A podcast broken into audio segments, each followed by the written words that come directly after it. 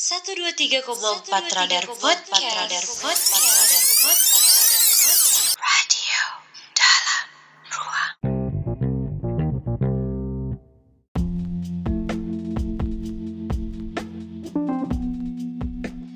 Satu dua tiga koma empat radar podcast radio dalam ruang.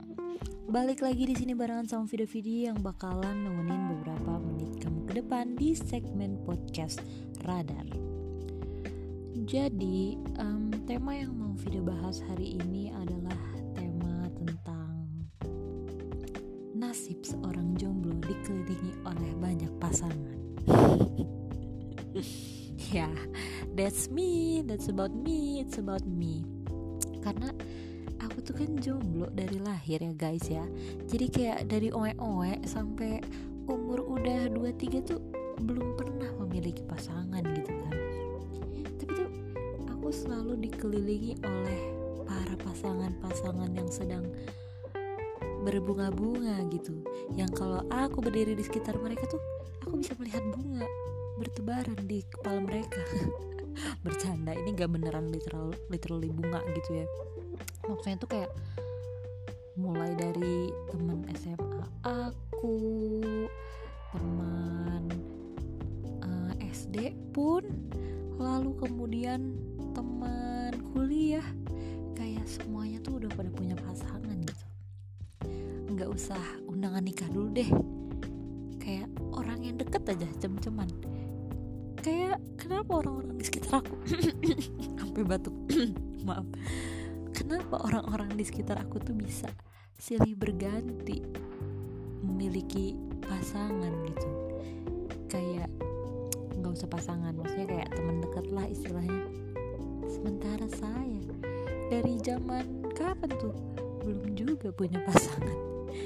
Ya sebenarnya ini nggak tahu ya faktor apa tapi kayak emang aku juga nggak pengen pacaran sih orangnya. Jadi kayak ya tidak masalah sih sebenarnya. Cuman kayak di umur yang 23 ini ya guys melihat orang-orang pada punya pasangan tuh jadi keringet dingin sendiri tau nggak?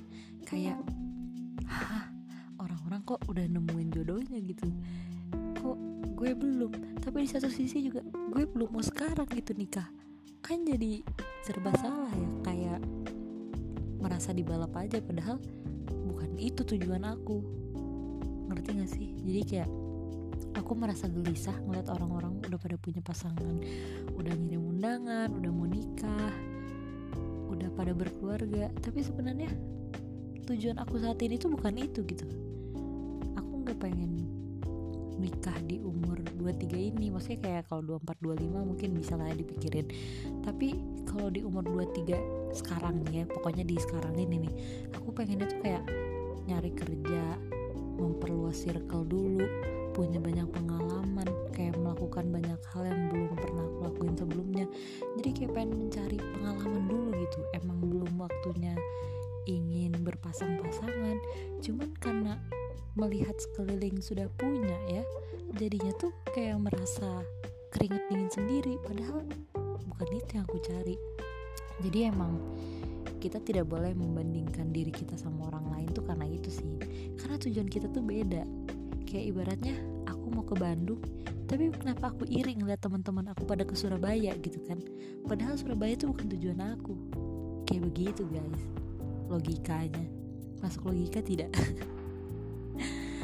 nah karena yang aku lihat ya dari dari pengalaman kakak aku apalagi kan aku suka ngurusin keponakan aku ya jadi aku tahulah sedikit bagaimana rasanya menjadi ibu rumah ibu rumah tangga.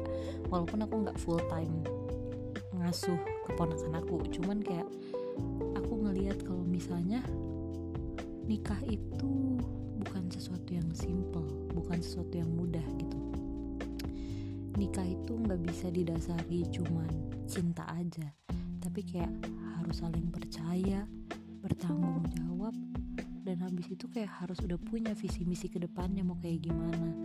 Terus harus udah kayak aku sih mikirnya kalau nikah tuh kayak harus udah stabil lah kitanya bukan dalam kehidupan materi ya tapi kayak dari segi mental.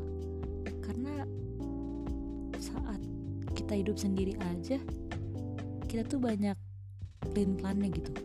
Banyak pengen ini pengen itu. Pengen ngelakuin ini pengen ngelakuin itu.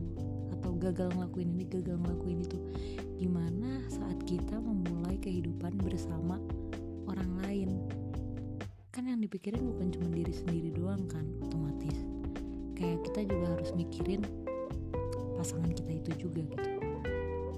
Jadi menurut aku ya emang nikah tidak sesimpel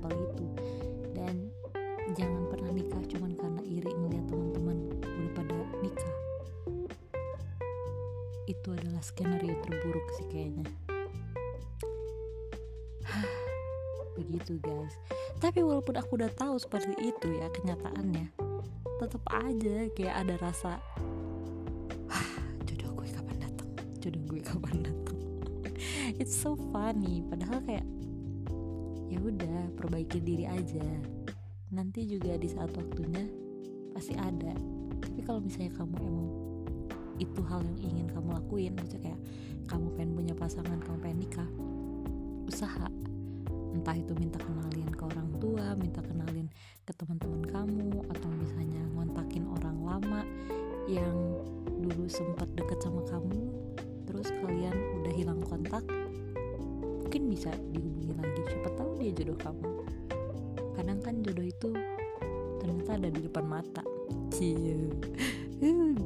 apa sih bobo?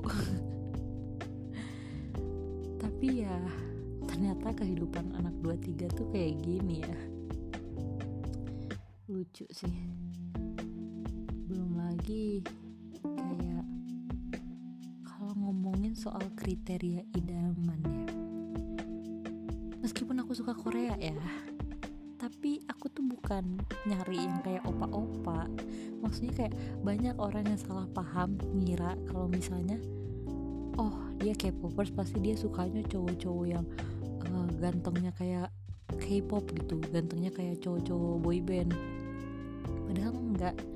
Selama ini aku suka K-pop tapi orang yang aku suka tuh selalu ya udah wajah orang Indonesia gitu. Bukan wajah Korea bukan yang harus sipit-sipit Korean gitu nah ya kita ngomongin soal idaman ya. Kalau ngomongin soal kriteria idaman. Jujur aku nggak punya sih nggak punya yang khusus. Maksudnya kayak uh, yang paling poin utama ya soleh ya. At least dia bisa ngaji ngajinya lancar rajin sholat. Dua hal itu tuh kayak hal yang must to have di diri se seorang laki-laki yang pengen aku keceng gitu. Jadi kadang aku suka milih-milih kalau mau ngecengin orang. Misalnya nih aku kayak uh, ih uh, si A ganteng gitu atau ih aku suka nggak bisa dipungkiri cewek lihat wajah ya oke. Okay. misalnya ih si A uh, menarik gitu ya. Tapi pas aku tahu dia nggak sholat even dia nggak bisa ngaji udah sorry sepertinya kamu langsung minus di mataku bang. Tapi kalau misalnya aku tahu dia oh rajin sholat misalnya apalagi sholatnya tepat waktu oh dia bisa ngaji hmm, langsung aku gebet guys. Makanya itu aku juga milih-milih kan. Maksudnya kayak tidak tidak harus K-pop gitu justru malah aku sedikit menghindari sih cowok yang suka K-pop meskipun akunya K-pop walaupun aku juga sempat mikirin ih kayaknya seru ya kalau misalnya cowoknya sama-sama suka K-pop. Terus kita jadi kayak histeris bareng gitu kalau ada yang comeback. Kenapa aku ngebayangin kayak gitu ya? Tapi well anyway. Intinya aku tuh cowok idaman aku tidak ini kenapa jadi gue ngomongin cowok idaman sih? Emang yang denger ada yang mau nyalon. Nyalon di kata presiden. Ya intinya kalau misalnya ditanya kriteria cowok cowok idaman. Itu yang soleh dan juga pinter ngaji. Terus kalau misalnya aku melihat pengalaman kakak aku yang sudah berumah tangga kayaknya cowok yang mementingkan komunikasi itu penting deh. Karena kalau udah punya anak bakal ribet kan. Jadi kayak komunikasi is a number one is a number three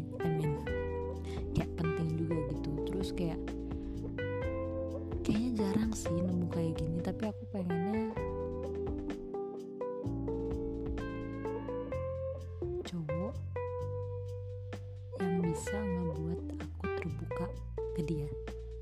Karena jujur aku orangnya tipe pemendam. Bukan pendendam tapi pemendam. Jadi kayak apa-apa dipendam apa-apa dipendam. Nanti kalau udah penuh nih hati baru ambiar. Nah kalau misalnya ada seseorang yang bisa bikin aku jadi terbuka banget wah dia keren sih.